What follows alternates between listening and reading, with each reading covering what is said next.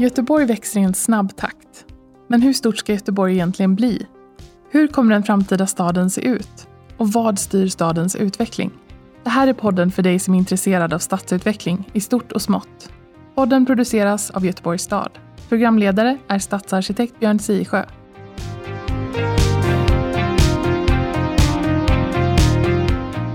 Välkomna till Götepodd som den här gången ska handla om Västra Frölunda. En typisk Göteborgs eh, förort, eller typiskt, jag vet inte. Det, det, det, det är som modernismen när den är som, eh, som mest modern. Eh, på något vis. Och med mig då så har jag Lars och Anders. Jag låter er presentera er själva lite grann. Lars, vem är du då?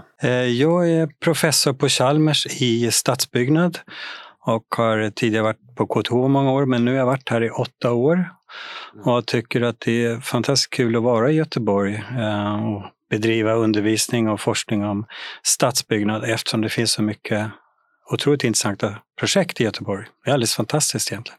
Och Anders, vem är du då? Ja, Anders Dahlgren. Jag är planarkitekt här på planavdelningen på Stadsbyggnadskontoret. Jag är ja, utbildad arkitekt och arkitekturhistoriker och har i egenskap av arkitekturhistoriker sysslat en del med 1900-talet och modernismen sådär och är själv väldigt intresserad av just eh, eh, den kopplingen mellan det historiska skedendet och, och samtiden. Mm. Ja, alltså Frölunda är ju liksom en del av det som vi brukade kalla miljonprogrammet trots att eh, eh inte blev en miljon bostäder under de här tio åren utan det blev väl strax under 900 000 kanske.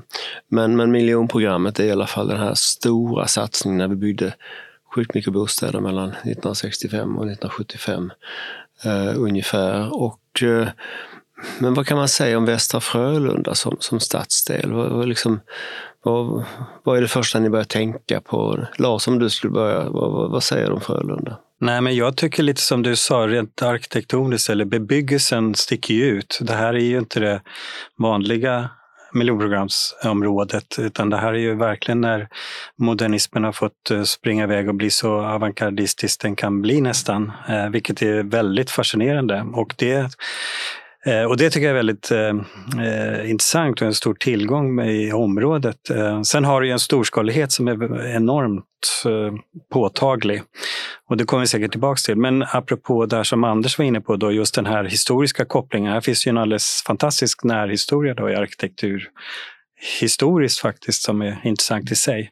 Men det är nog det första jag tänker på, den här eh, rätt ovanliga bebyggelsen för ett miljonprogram miljonprogramsområde. Mm. Vad säger du Anders? Det jag tänker mycket på det är de här eh, oerhört storskaliga system eh, utbyggnaden och investeringarna som gjordes då med vägar och spårvägar och eh, ett väldigt stort köpcentrum med mera eh, som fortfarande idag präglar stadsdelen väldigt mycket.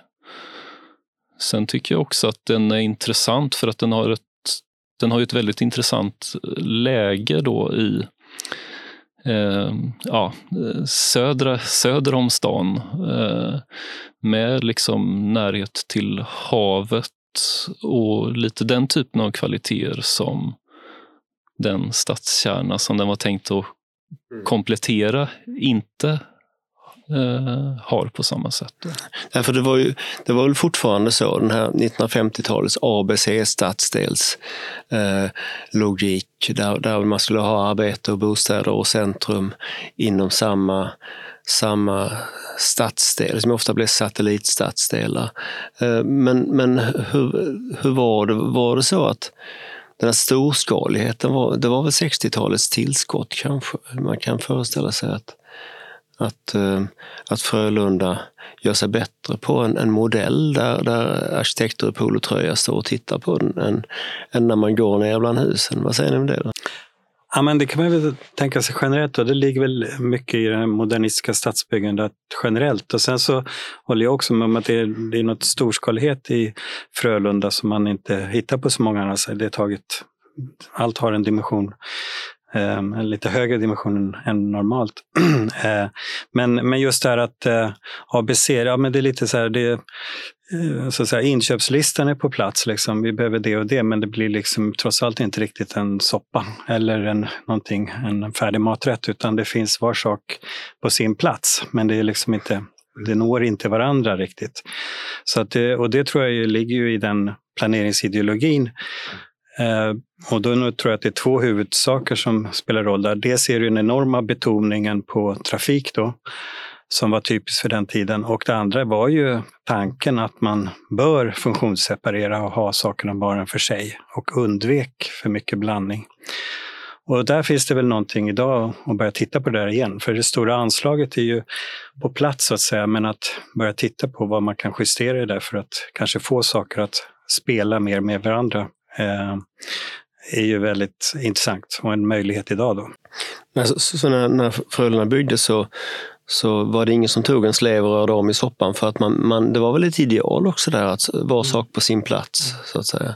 Sen har vi väl kanske förstått att det inte fungerar så väl eh, senare. Då. Vad säger du Anders?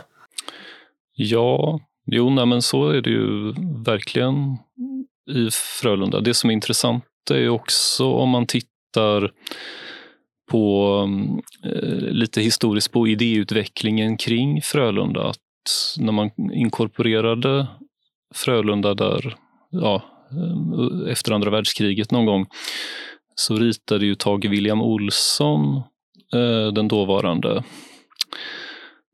eh, planchef eller vad han nu hade för titel. Eh, men då ritade ju man under eh, hans eh, administration eh, på Frölunda. Men då i mer av en 50-talsanda. Han tog även dit liksom, en av bröderna Alsen, jag tror det var Tore Alsen, som då hade ritat Årsta centrum i Stockholm ungefär då. och att det där liksom i ursprungstanken kring Frölunda liksom ligger i, i 50-talet medans när det väl byggs under 60-talet, då har liksom skalan skruvats upp en aning. Från då, den här... man volymknappen i botten då? Ja, ja men lite mm. så. Mm. Det kan man ju se lite idag också, att de delar av eh, järnbrott och runt Högsbo där som byggdes ut under 50-talet har en annan, en annan skala och också andra kvaliteter än ja. än det mer storskaliga ner mot ja. i Frölunda och runt Frölunda torg. Och så, ja. Nu sitter vi tre gubbar och gnäller som bara den om Frölunda här. Man får ju samtidigt ha respekt för att det är ju ett ställe som många bor i och älskar. Eh, för så brukar det bli när ett område blir lite äldre så att säga. Att det är många som har levt sina liv där och, på det viset. Men att vi pratar om det så här är för att vi vill liksom utröna hur vi gör. Dels när vi bygger till Frölunda och kanske om Frölunda och dels hur man att man kan reflektera i en sorts bredare perspektiv över stadsutveckling. Hur skulle vi göra om vi byggde Frölunda idag då, Lars? Eh, ja, man börjar från början. Jag tycker i och för sig att det är bra att man inte börjar från början. jag ska säga det, att man, om man börjar från början. Men för att nu finns ju någonting att börja arbeta med och eh, precis som eh, vi kanske har snuddat på lite grann. Det är lite lätt att man förenklar Frölunda till en sak och att allting ser likadant ut överallt. Egentligen är det ju ett oerhört rikt landskap med väldigt olika förutsättningar på olika platser. Och det är ju en stor tillgång. Och återigen då, för, apropå det här historiska som Anders pratar om, där, där tror jag att i ett, mm, ett mer modernt, ny, vår tids moderna angrepp skulle ju vara att faktiskt utgå mycket mer ifrån det man har och en djupare förståelse av vad man har då i Frölunda, tänker jag. Och att det är en väldigt bra utgångspunkt. Eh, för här finns ju oerhört olika förutsättningar på olika platser då och eh, den historiska bakgrunden är en tillgång för det. Men jag tror också den typ av forskning som vi bedriver som man gör, där man kan göra analyser och locka fram egenskaper i det här landskapet som man inte ser omedelbart, också kan vara en stor tillgång för det. Och lite mer då lita på att det här landskapet som finns där i hög grad, tror jag, pekar ut ganska bra vad nästa steg är om vi lär oss att läsa av det riktigt. Eh, snarare än att komma med ett nytt koncept då, som kanske man också gjorde typiskt på modernismen och försöka landa det just på den här i den här, på den här platsen. Då. Så att jag tycker att man behöver, man behöver kunna det man har. Man måste ha bättre känsla och förståelse för vad det är man har för att ta nästa steg. Så det är som många säger nu, att vi måste göra kvarterstad av allting. Eh, då går det att applicera på Frölunda då? Ja, man kan säga att eh, vissa delar lämpar sig nog för det. Men, eh, men jag tror, jag håller nog med Lars lite där att det, det är väldigt viktigt att se till det man har och, så, att man inte, så att inte vi idag bygger bort de kvaliteter som faktiskt finns i det här området. Som jag tänker bland annat är kopplat till eh, ofta en, eh, eller i många fall en väldigt bra boendemiljö närmast bostaden till exempel. Eh, och det Eh, är ju väldigt viktigt att ha den lyhördheten för befintliga kvaliteter så att man inte tillför någonting som, eh, ja, som förstör de kvaliteter som finns idag utan kanske något som snarare liksom utnyttjar eller kompletterar det. Ja. Mm. Nej, men jag håller med där. Eh, och, eh, på samma sätt som då den här modernistiska lösningen på 60-talet Eh, kanske inte var svaret på allting i, på varje plats så är ju inte heller vår tids tendens att se att eh, kvarterstaden är lösningen på allting på varje plats. Heller eh, det som vi kan eh, eller, ja, luta oss mot. Utan här gäller det att förstå skillnaden här och delar utav Frölunda tror jag kan få en, en ganska tät och intensiv bebyggelse Eh, och skulle tjäna på det. Men det finns andra delar som kanske inte alls eh, ska ha det utan erbjuda andra kvaliteter. Det här är så grundläggande tycker jag att vi tenderar att liksom inte förstå att vi jobbar ju med ett rum. Och hela poängen med att vi människor lever i ett rum är ju att olika saker kan hända samtidigt på andra platser.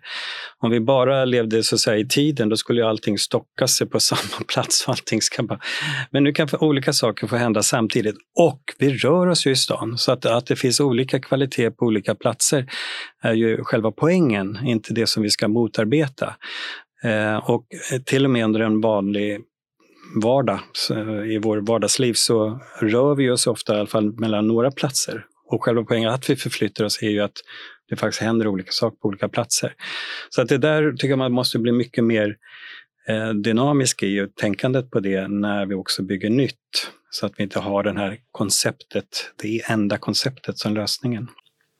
Det enda konceptet som, som säger att allting måste hända på samma plats. Ja, precis. Och då för att försöka också kanske koppla, för nu pratar vi mycket bebyggelse och, och jag, jag tror vi alla tycker det är väldigt, bygg, eh, väldigt eh, viktigt naturligtvis, men jag tror att vi också alla ser det som ett underlag för det som det egentligen är till för, nämligen livet i stan. Och då tycker jag också det är ganska uppenbart, vi pratar ibland om offentlighet till exempel, det är ett stort så här, samhällsbegrepp. Men offentligheten i Göteborg ser ju väldigt olika ut på olika platser. Och det är ju poängen. Vi kan inte bara träffas i Brunnsparken eller på Järntorget, utan vi har också Komettorget och eh, Mariaplan och eh, Opaltorget och eh, Frölunda torg. Och själva poängen är att vi får offentligheter där människor möts och delar rum för ett ögonblick som är olika. Mm. Och det hela, jag tror att det är grundfaktorn i den här integrationsdiskussionen vi försöker föra på olika sätt. Och, egentligen ska man, och då behöver vi bygga för och förbereda för det så att det kan bli olika och inte att det ska bli samma sak överallt. Eh, och samma sak är det egentligen om man flyttar till ekonomin och tänker på marknader och marknadsplatser. Allt ska inte bli den här stora shoppingmålen med de stora kedjorna. Utan alla de här det behöver ingå. Eh, lilla torget, eh, stora torget och alla däremellan. Lilla parken och stora parken. Ja, etc. etc. Precis, mm. precis. precis. Så att där mm. börjar se det där landskapet. Man pratar nu ofta om 15 minuters staden och då brukar den genomsnittliga göteborgaren tycka att ja visst, eh, det, där bor ju jag för. Det, det, min bil går som en tvål i duschen över stadens motorvägar och det tar, det tar bara en kvart för att önska. Men, men när man började prata om det i Paris så var det ju till fots och med cykel och möjligen kollektivtrafik som man skulle kunna ta sig mellan målpunkter på en kvart. Hur kan en stadsdel som Frölunda passa in i, i något sådant i framtiden, Anders? Ja, jag skulle säga att om man bara tittar på mm, tillgång på eh, liksom bostäder och eh, service av olika slag. Så inom Frölunda så når man ganska mycket. Eh, delvis såklart tack vare närheten till Frölunda torg som ju ett köpcentrum med liksom ett eh, regionalt upptagningsområde. Men det finns ju även då liksom eh, vård av olika slag och Kulturhus. kulturhus Mm. precis. Eh, Och väldigt mycket kvalitet på det sättet. Utmärkande för Frölunda det är ju att C eller eh, A1 i ABC-staden, alltså arbetet saknas lite. Eh, man Folk tänk- åker någon annanstans för att jobba. Ja, men lite så. Eh, I synnerhet om man tänker liksom kontorsintensiva näringar och andra typer av den. Eh, Arbeten kopplat till handel eh, och så finns det ju relativt gott om. Men, eh, eh, men just en, eh, vad ska man säga, diversifierad lokal arbetsmarknad finns väl inte riktigt på det sättet då, inom 15 minuters staden. Vad kan man göra med en sån här stadsdel för att den ska bli mer mångfunktionell kanske? Nej, men egentligen så finns det ju väldigt mycket allmän plats eller, och f- där alla är fria att röra sig i Frölunda, oerhört mycket. Och det kan ju nästan vara en del av problemet att eh, om vi tar centrala Göteborg finns det ju mycket mindre så att det är klart att det blir ju mer människor på gatorna om man rör sig då i centrala Göteborg jämfört med Frölunda som har så mycket. Men sen ligger det ju i planeringen också att Eh, inte minst för att då skapa så bra förutsättningar för olika trafikslag som möjligt så får man ju till de här stora Eh, barriärerna mellan olika delar och ganska stora trafikapparater och ibland en ganska krångligt sätt för gator och vägar att röra sig som att liksom hela tiden lägga på avstånd. Eh, och det gör ju som någon sa här tidigare att, eh, eh att eh, det känns ju som när man är i Frölunda, man är väldigt långt bort från centrala Göteborg, trots att man egentligen inte är det.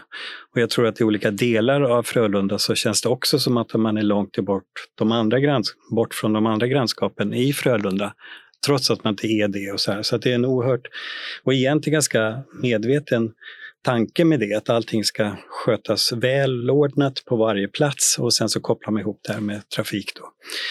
Eh, men det gör ju just att det blir en ganska lågintensiv miljö. Och jag tänker också att det är intressant för att det kan man ju koppla till den här 15 minutersstaden som jag egentligen tycker är väldigt positivt att man pratar om. Men den riskerar ju lätt att bli missförstådd. Därför egentligen är hela det svenska förortsbyggandet sedan, åtminstone sedan under hela efterkrigstiden baserat på mer eller mindre 15 minutersstaden. Då kallar man det ju grannskapsenheten där allting skulle lösas inom varje landskap med just, ja, i bästa fall både A, B och C, men åtminstone B och C och parker och skolor och alla de sakerna. Då. Eh, men då är det ju just så, det där kan man titta nu i landskapet, så finns ju en ganska god försörjning av vissa saker för varje stadsdel eller varje grannskap. Men de, de hänger ju inte ihop, de hjälper ju inte varandra. Eh, och det är det som är det stora problemet. Alltså att 15 minutersstaden måste ju förstås som en, eh, en kontinuerlig stad där det är 15 minuter från egentligen varje portuppgång eller varje adress. Att fem, men ofta är det ju räknat som att det är från ja, där spårvagnen stannar eller där eh, det stora torget är. Och, så, och sen går man ut och så är man då i kanten av den så är man ju egentligen ganska långt från resten. Eh, Mm. För att det finns inte ett grannskap som tar vid utan det tar bara slut där. Så vi, Det tar slut och sen så är det, är det bilvägar och sen så tar något annat vid någon helt annanstans. Just det. Mm. Så att här får man vakta sig tycker jag med det här 15 minuters eh, tanken, staden då. Eh, för, det, för det kan också leda oss tillbaks till den här ganska Eh, segregerade stadsformen. Och nu säger jag segregerad i stadsformen, men det finns ju en risk att den också blir socialt segregerande. Men att vi bygger segregerade eh, segregerad stadsform där vi tar en bit i taget. Så här. Eh, för det bjuder 15 minuters stadsidén in till. Men där får vi passa oss tycker jag. Så, så vi måste både ha en stad som är rimligt nära och hyfsat sammanhängande. För det är klart att anledningen till att det känns långt till Frölunda det är ju att det finns inte en intressant promenad på vägen till Majorna eller till stan eller vart man ska. Um, Anders, vad säger du om det här med, med liksom, vad är det som är den typen av modernistiska stads akilleshäl och vad är det som är bra med den? akilleshälen i den typen av projekt är ju att eh, den här liksom väldigt storskaliga eh, trafiklösningarna som man ofta landar i blir väldigt eh, den blir väldigt dominerande och liksom eh, sätter ramarna väldigt mycket för framtida, framtida utveckling. Eh, man talar ibland om i ekonomiska termer och kanske i statsfinanstermer också om just det här med stigberoende till exempel. Att... Vilket betyder att man fortsätter gå på samma stig, för det har man alltid gjort. Ja, mm. ja precis. Och att som i det här fallet då, det kan vara väldigt svårt att eh, bryta stigberoendet eh, där så skulle, kanske skulle vara önskvärt. Så det, det är väl det som är vår utmaning lite idag, tänker jag, att de oerhört storskaliga projekten som gjordes vid den här tiden under rekordåren på ja, slutet på 50, 60 och kanske lite in på 70-talet där.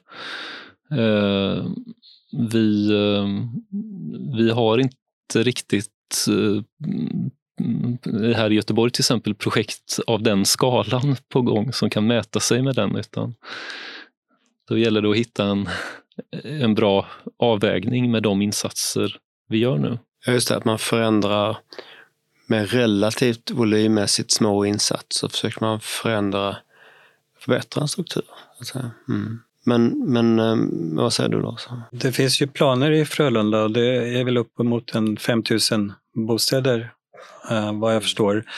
Och det är trots allt ganska mycket och eh, jag håller, håller med igen att det finns en, en, en grundstruktur i den här eh, i Frölunda redan nu som är den här äh, stora modernistiska satsningen som ju också äh, kan vara någonting positivt. Det finns ju då en infrastruktur på plats i väldigt hög grad men som är ganska glest bebodd eh, idag i, i bitar och där skulle man ju kunna bygga mera inom den och, och, och på ett genomtänkt sätt att bygga eh, på bra ställen som stöttar stöttar och eh, kan hjälpa till att binda, binda samman de olika delarna och också då intensifiera vissa delar men låta andra delar vara ganska i fred.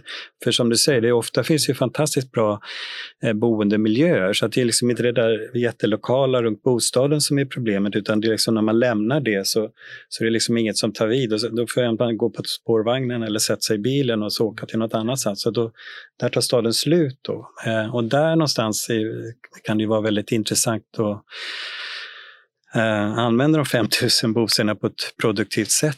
Eh, och jag tror att, för att det är ju på den skalan, då, man går upp en bit skala då, från den här som kanske då på 50-60-talet var 15 minuters staden då, eh, till, till nästa skala, då, då börjar man ju skapa andra värden i de här stadsdelarna det, det kanske är nära nu till skola, daghem och det finns en lekplats och det finns en grönyta och så vidare. Men nästa steg finns inte. Det här differentierade handelsutbudet finns inte. Ja, vid Frölunda torg, men, men det beror på att Frölunda torg är en 15 minuters stad om du sitter i en bil. eller, mm. eh, men utan, eh, och så vidare. Så där, eller biblioteket eller kanske fritidsgården som måste stänga därför att det finns liksom inte den, den nivån. Då. Så det här måste eh, överlappas eh, eh betydligt eh, mer. Och här tänker jag att det kan finnas möjligheter nu när man tittar på Frölunda att verkligen bidra till det. Så att egentligen lämna mycket av de här lokala kvaliteterna som ofta är av högsta nivå egentligen eh, och sen titta på det som inte finns och i mellanrummen där.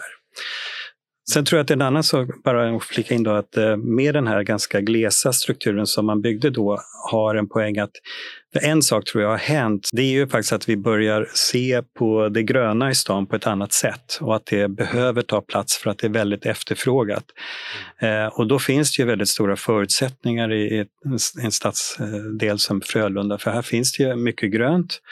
Men eh, jag har också förstått att det är många som upplever att den är ganska dåligt svår att, att nå, att komma åt. Så här finns det enorma poänger med det också. Så att jag ser för mig att framtidens stad är inte eh, den här infrastrukturstaden från 60-talet, men det är heller inte den helt kontinuerliga eh, rut, rutnäts, eller kvarterstaden i alla fall. Utan att vi kommer behöva ha lite mer, en mer nyanserad eh, landskap där det finns förtätningar och också förtunningar. Mm. Eh, men där allt ligger egentligen ganska nära. Den här närheten tror jag är det som man i synnerhet eh, saknar i Frölunda. Det är inte så mycket, det brukar ofta sägas att man letar efter täthet, men jag tror inte ingen egentligen är intresserad av täthet, för det är ingen kvalitet i sig. Men närhet är en kvalitet och den är inte omhändertagen i Frölunda. Om man tänker just det här med närhet och sådär, att i de, flera av de pågående planprojekten som vi har på gång i Frölunda nu, så där liksom jobbar man just med det att eh, det är eh, liksom dels rent trafikmässigt lite osäkert att eh, röra sig eh, mellan till exempel de här grannskapen eller ja, från ett boendeområde till till exempel Frölunda torg och Paltorget eller något annat. Sådär. Eh, just eh, bland annat för till exempel då att ja, men de gång och cykelvägar man är hänvisad till ligger lite ensligt där det inte ligger någon annan bebyggelse och inga andra platser av hög kvalitet. Eh, och vilket gör att det är relativt få som rör sig så att mm, ja, då liksom kommer ett inslag av eh, och lite otrygghet då när man rör sig lite, lite ensam där och, och det kanske är mörkt och sådär. Så att, eh, där tror jag att man eh, ja, lite som Lars är inne på då med, med tillägg av till exempel bostäder men också verksamheter och annat. Eh, kanske kan eh, förbättra den upplevda närheten för de boende idag. Både till nya funktioner som förs dit men även till befintliga. då. Att man känner lite att det eh, att det känns närmare att röra sig till, eh, ja, till skolan som har kulturskola eller till eh, Kulturhuset eller till eh, ja, handelsområdet eller vad det nu kan vara. Det byggdes ju då på 60-tal fram till tidigt 70-tal, eh, Frölunda. Men vad har hänt sedan dess egentligen? Har det hänt någonting och i så fall vad? Och hur förändras en sån stadsdel? fram tills nu. Om man tittar på eh, bara kopplingen Frölunda torg och Opaltorget till exempel, så tillkom ju Västerleden, alltså den här trafikleden som skär igenom, tillkom ju eh, efter en stor del av bebyggelsen. Men sen kan man ju se också att under ehm, ja, framförallt eh, slutet på 70 och under 80-talet eh, så har ju tillkommit en, eh, ett antal radhusområden. Och sen kan man väl säga att från tidigt 2000-tal och framåt idag så har ju en utveckling påbörjats lite i samma anda som vi beskrev innan att vi arbetar idag då med eh, dels eh, med eh, ett Eh, planprogram för Tynnered som togs fram och som startade utvecklingen kring Opaltorget och eh, ja, Smaragdgatan och de omkringliggande gatorna. Men, eh, men även då kring Frölunda torg då, där både köpcentret byggdes ut och man byggde ja, nya bostäder i, i anslutning till det. Då. Det ena som har hänt är att man fått en väldigt stökig granne till, till, till till centrumbildningen med den här söderleden. Eh, och det andra som hänt är att det har tillkommit ganska mycket småhusbebyggelse. Eh, men det är väl positivt, eller? Ja, för det, ja precis. Jo, men för det kan man ju se att om man tittar på hur Frölunda byggdes från början så är ju framförallt småhusbebyggelsen belägen längre västerut, alltså ut mot Älvsborg, ut mot havet så att säga. Mm. Eh, för det var ju annars ganska vanligt att många eh, grannskapsenheter från den här tiden hade liksom högre flerbostadshus närmast spår, den spårbundna kollektivtrafiken och sen eh, en liksom krans av småhus runt det. Eh, och, men det kan man väl säga att det kanske inte fanns riktigt lika mycket i Frölunda från början, även om järnbrott har ju en del Eh, är, är det inte så att Göteborg har sin, vi har vår egen 8 mile road mellan, mellan Tynnered och Vildorna väster därom så att säga. Att det är väldigt mycket en socioekonomisk gräns där så att säga som, som eh, det men, ligger. Ja. Nej, men det, och det är tycker jag, jätte, eh, eh, ja, det, det, är intressant. Och jag tycker kanske om man ska prata om Frölunda som ju jag menar, det är ju en mindre, det är ju en stad i sig, alltså det är stort och väldigt mycket människor som bor där. Och nu eh, stan börjar jobba med det här. Det är ju en, en, en jätteuppgift som, eh, jag menar om man ska jämföra med andra kommuner och så, det här är ju, det är ju någonting stort. Eh, och just de här då, om man tar de här två huvudförändringarna, dels den här leden som då hjälper till att skära av ännu bättre och så tillkommer det en viss typ av bebyggelse då. Eh, och båda kan man ju se, liksom, eh, leden den riskerar att skapa barriärer och längre avstånd, bryta den här närheten som är så grundläggande värde i en stad. Och sen har vi börjat bygga massa saker som inte hänger ihop med helheten, ja, då börjar vi få den här separerade staden. Och när man säger närhet här, så det tycker jag också finns skäl just när man börjar jobba med ett eh, så stort område som Frölunda, att säga så här, ja men det här är inte bara så här, åh det är praktiskt därför att jag vill ha nära till dagis efter jobbet eller vill springa ner till bussen och hinna med den eller vad det är någonting. Alltså närhet, varför lever vi så här nära varandra överhuvudtaget i städer? Och varför växer städerna trots att det skapar alla de här problemen och det blir köer och trångt och det, man bor, folk stör varandra i lägenheter och allting. Det är ju för att eh, det, alltså, det, det skapar en helt annan förutsättning både ekonomiskt och socialt. Ekonomiskt så bygger det ju på att vi helt plötsligt kan specialisera oss och äh, ägna oss åt höggradig arbetsdelning så att vi kan byta med varandra. Eh, till exempel, jag brukar säga det att eh, jag är ju, om man ska vara riktigt strikt, så är jag ju urbanmorfolog. Jag tror inte det finns något jobb för några urbanmorfologer i, låt säga Simrishamn. Men mm. i Göteborg gör det det, faktiskt. vad, gör, vad gör en urban morfolog på jobbet? studerar, den studerar eh, stadens bebyggelseform, till exempel närheten. Då. Men det finns ju utrymme för för vi har sån otrolig differentiering i Göteborg så att vi kan jobba med så otroligt mycket olika saker. Mm. Och, men hela förutsättningen för det är ju att vi är nära varandra. För annars skulle det bli jättejobbigt. Vi ska resa till alla de här underliga specialisterna som kan alla olika saker. Utan nu bor vi nära så att det här kan gå fort. Då.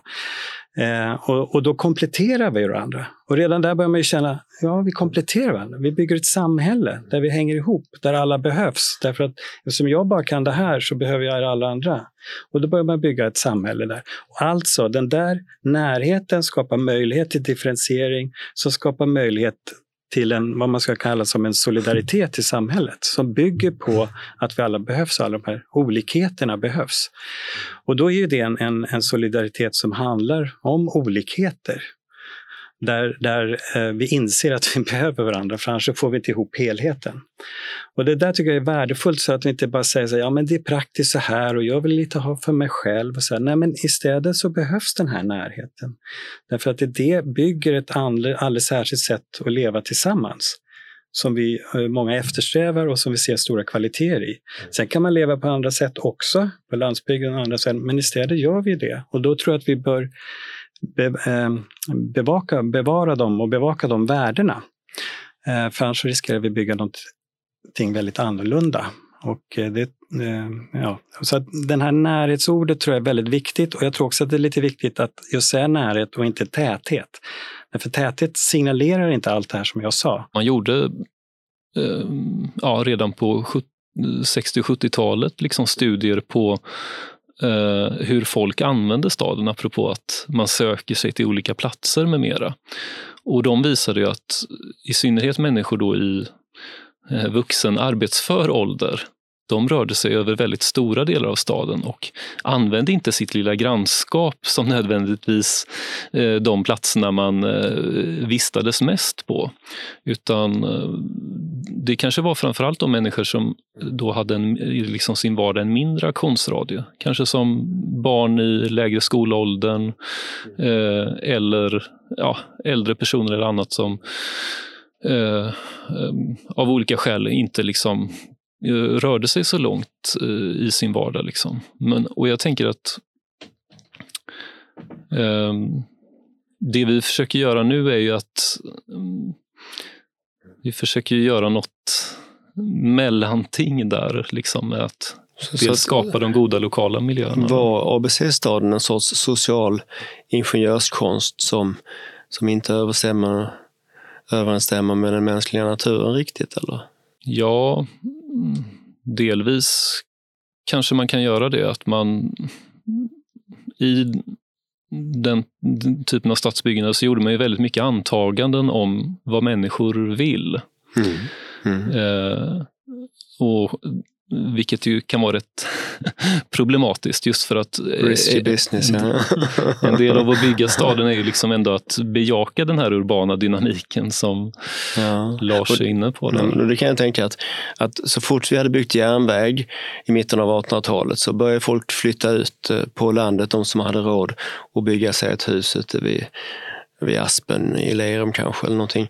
Eh, så det finns ju den den viljan har ju funnits genom tiderna kan vi säga. Nej, men jag tror, eh, som ni är inne på där, att eh, ja, den sociala ingenjörskonsten är ett stort kapitel, men jag tror att väldigt mycket i den här som eh, vi beskriver som den modernistiska planeringen, det som ligger bakom där är tror jag, ett ingenjörsideal. Och nu är det inget fel på ingenjörer, men det är lite som du säger här, Björn.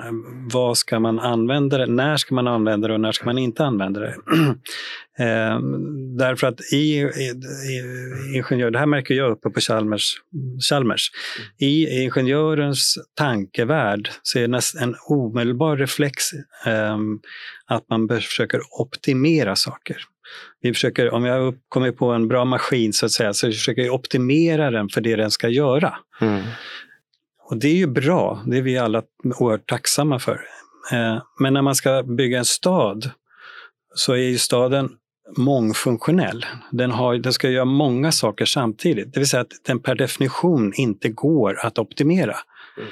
Men det var ju det man försökte göra i modernismen. Och arkitekterna, här, att arkitekterna hade ju ett ideal hos ingenjören i väldigt hög grad. Då. Mm. Sen kan vi diskutera hur djupt det gick och allting och sådär. Men, men att det, det fanns där. Och då hittar man några kriterier. Mm. Trafiken är jättebra, vi ska funktionssepareras, vi ska, man kan bli helt upptagen med buller och då ska det bara pratas buller och allt det här. Men det som städer har gjort är ju, är ju egentligen en mycket mer komplex artefakt, alltså även en byggda stad är en mycket mer komplex artefakt än de flesta maskiner, eh, tek teknologier av det slaget i att den ska lösa så många problem samtidigt och för så många olika mm, personer som har olika eh, värderingar och, och önskningar här i livet. Så att det måste liksom eh, baka ner den till en oerhört generell maskin i så fall som ska kunna utföra ett grundläggande arbete som passar för alla de här sakerna.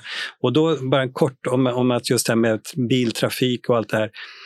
För på pappret, då, ett ingenjörsperspektiv, så ser ut bilen löser det här. Det bara gör att vi kan resa mycket längre. Ja, då har man definierat, då har man optimerat på hur snabbt tar du mellan två punkter och, och, då kan du komma längre. Men när du går och i viss mån även när du cyklar så gör du ju massa andra saker medans du går och cyklar. Du delar ju rum med dina samhällsbröder och systrar helt enkelt och ser och blir varse dem ett ögonblick. Det blir man ju till bilen, eh, på alla fall inte på samma sätt. Mm. och en mängd andra saker som sker eh, när man rör sig genom staden till fots. Mm. Så om man tar bort det så förlorar man väldigt mycket. Mm. Men man kan ju på pappret då tycka att man har optimerat reseeffektiviteten. Men till vilket pris kan man fråga sig då? Just det, för då har man optimerat en sak. Va?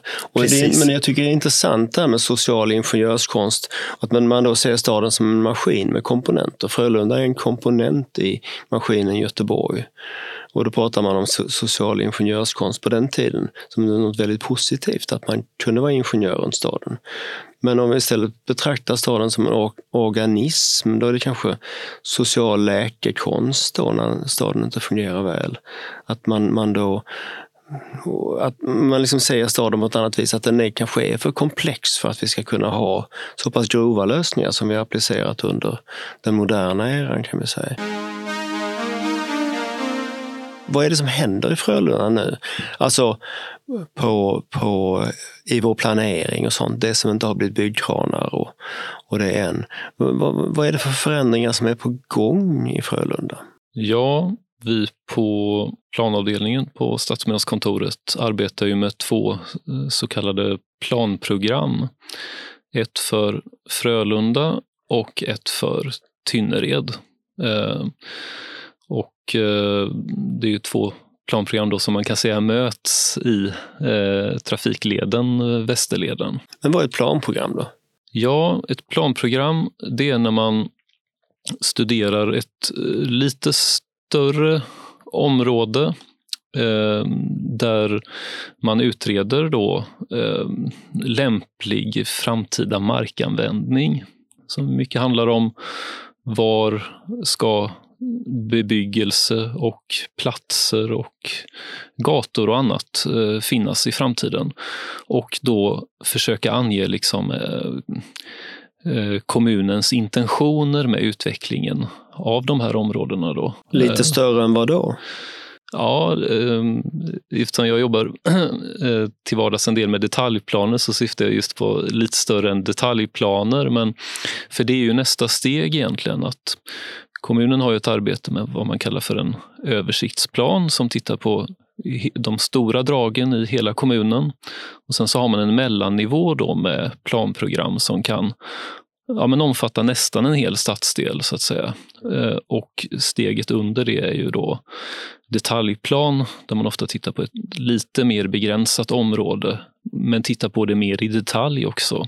Eh, exakt hur det ska utformas. För det kan man säga med de här två planprogrammen som vi arbetar nu med då att de eh, föreskriver ju inte i detalj hur de här områdena ska utvecklas men försöker ändå titta på de stora dragen och eh, eh, ja, den, den övergripande strukturen då eh, i, i det framtida, hur det framtida området ska hänga ihop, både med sig självt men även med eh, omgivande stadsdelar då också. Vad blir det för stad?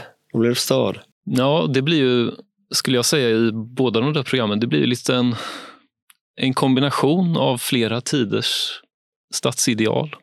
Några som vi ärver från tidigare och befintliga strukturer, men där man då lägger på ett ytterligare samtida lager. Då. Och i det samtida lagret eh, handlar ju en del om att, eh, eller till ganska stor del faktiskt, att ta i anspråk de eh, väldigt väldimensionerade vägområden bland annat som finns i de här stadsdelarna. Mm. Tog mycket asfalt. Ja, verkligen. Asfalt och flera, ofta flera parallellgator som går bredvid varann. Mm. Eh, som leder till olika ställen. Mm. Eh, att försöka skapa en mer samlad stadsstruktur eh, med byggnader som eh, liksom möter gatan och skapar gaturum gaturum med eh, goda möjligheter för gång och cykel till exempel, men även biltrafik givetvis. Då. Men om man nu naggar de här oceanerna av asfalt i kanten, vad gör man då istället? Här då?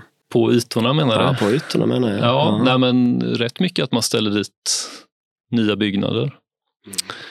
Eh, men också att eh, det, ja, det blir ju givetvis eh, mindre, mindre vägyta och ja, färre antal gator helt enkelt mm. i förhållande till bebyggelse. Men, mm. men vad vi tror också att eh, man genom att förändra gatustrukturen gör det möjligt att ta sig igenom området på ett mer flexibelt sätt. än Men det går idag. Olika sätt att röra sig också kanske. Ja, Mm. precis. När du hör Anders, här, vad, vad, vad tänker du då? Ja, jag tänker, jag, jag tror att eh, det är så viktigt att understryka det, betydelsen av sådana här områdesprogram eller översiktsplaner, att, att se att eh, det är så många kvaliteter i stan som vi syftar mot och vill åstadkomma, som, som eh, alltid äger rum lokalt där man är eller bor eller arbetar eller någonting. Men som egentligen har skapats av in, eh, att man har gjort saker ganska långt från den platsen för att den här platsen ska kunna få de här kvaliteterna. Om det är som till exempel att skapa ett underlag för en fritidsgård eller inte. Det, är inte, det blir jättedyrt för kommunen om de ska lägga en sån på varenda, i varenda eh, grannskap. Men om det hänger ihop så kan du få ett stort underlag för en fritidsgård och kanske en ganska bra fritidsgård då, som kan ha ganska bra med resurser och så vidare. Och så här är det i stort sett med allting. Eh, för en effekt av den här eh, segregeringen som vi eh, har då, nu pratar jag framförallt om att vi bygger en väldigt en stad med långa avstånd mellan olika grannskap. Eh, inte de eh, sociala konsekvenserna som vi också pratar mycket om. Men då, då undergräver man ytterligare en sån här grundegenskap hos staden som eh, fenomen och eh, som ju handlar mycket om den här närheten som jag tjatar om då. Och det är ju att staden är ju en delningsekonomi. Vi pratar som tusan om delningsekonomi idag. Staden är ju det. Nu, nu är jag hälsar på stadsbyggnadskontoret och dricker jag vatten ur ett glas som, som någon annan redan har druckit ur idag. Och går jag ut och tar ett fika så dricker jag en kopp som redan har diskats sju gånger idag. Alltså vi delar på allting i städerna. Vi delar simhallar, vi delar parker, vi delar på allt det här offentliga. Men om närheten försvinner, då finns ju inget underlag för den här delningsekonomin. Då måste jag ha det hemma i skåpet och, ja, etc. Eller, och, och, vissa har råd att skaffa sig till och med en egen den, tennisbana. Men ja, ni förstår. Alltså vi, den delningsekonomin som vi verkligen letar efter idag för att använda våra resurser effektivt, staden är ju grunden för det. Och då måste man jobba i den här större skalan för att det här ska hända på de lokala platserna. Och de här områdesprogrammen är så oerhört värdefulla då och man behöver egentligen gå kanske en skala upp till för att verkligen se vad som kan hända. Så att det finns idag tror jag en risk tycker jag som man också känner av och det är att för mycket av stadsutvecklingen blir en fastighetsutveckling driven av markägare som naturligtvis ser sin egen tomt och betydelsen av den.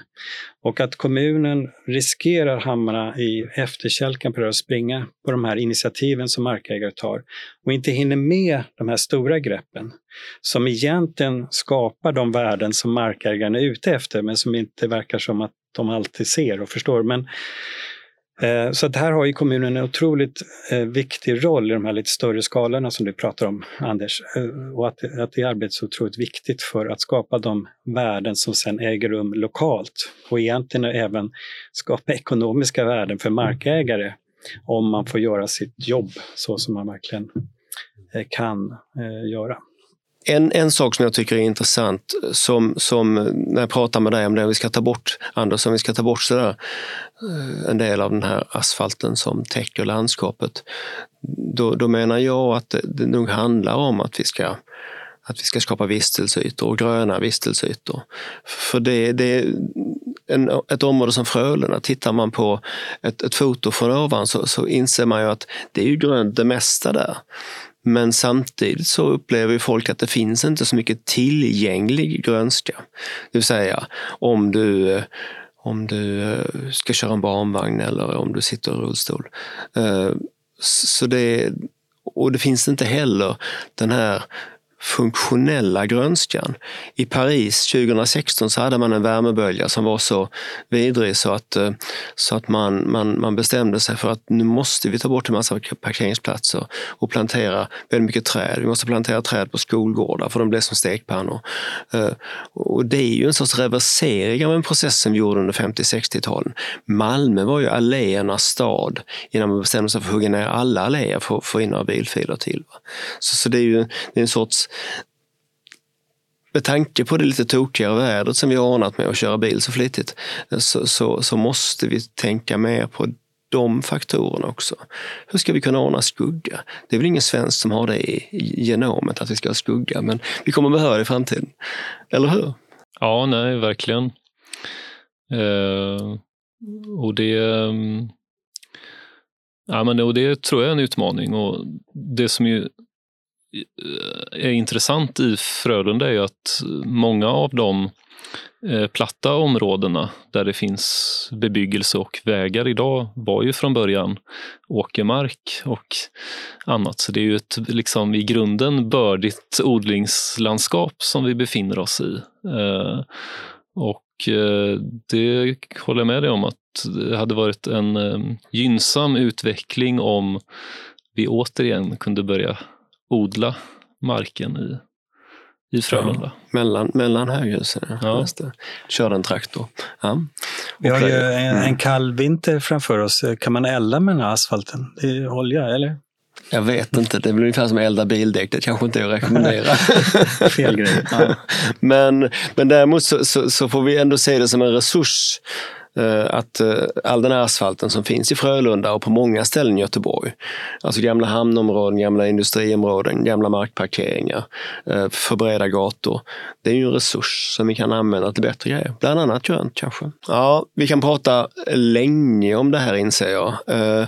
Men men jag tror vi rundar av här ändå och, och frågar, har ni någon sista reflektion kort runt vad Frölunda är och vad det ska bli? Nej, men jag tror att Frölunda egentligen har eh, grundförutsättningar för att verkligen bli en av de här eh, mång, eller en av flera centrum i Göteborg, men som samtidigt hänger nära samman med staden som helhet.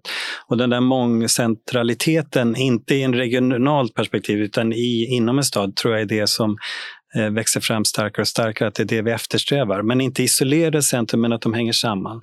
Och i det perspektivet upplever jag att Frölunda har oerhört eh, fina förutsättningar för det.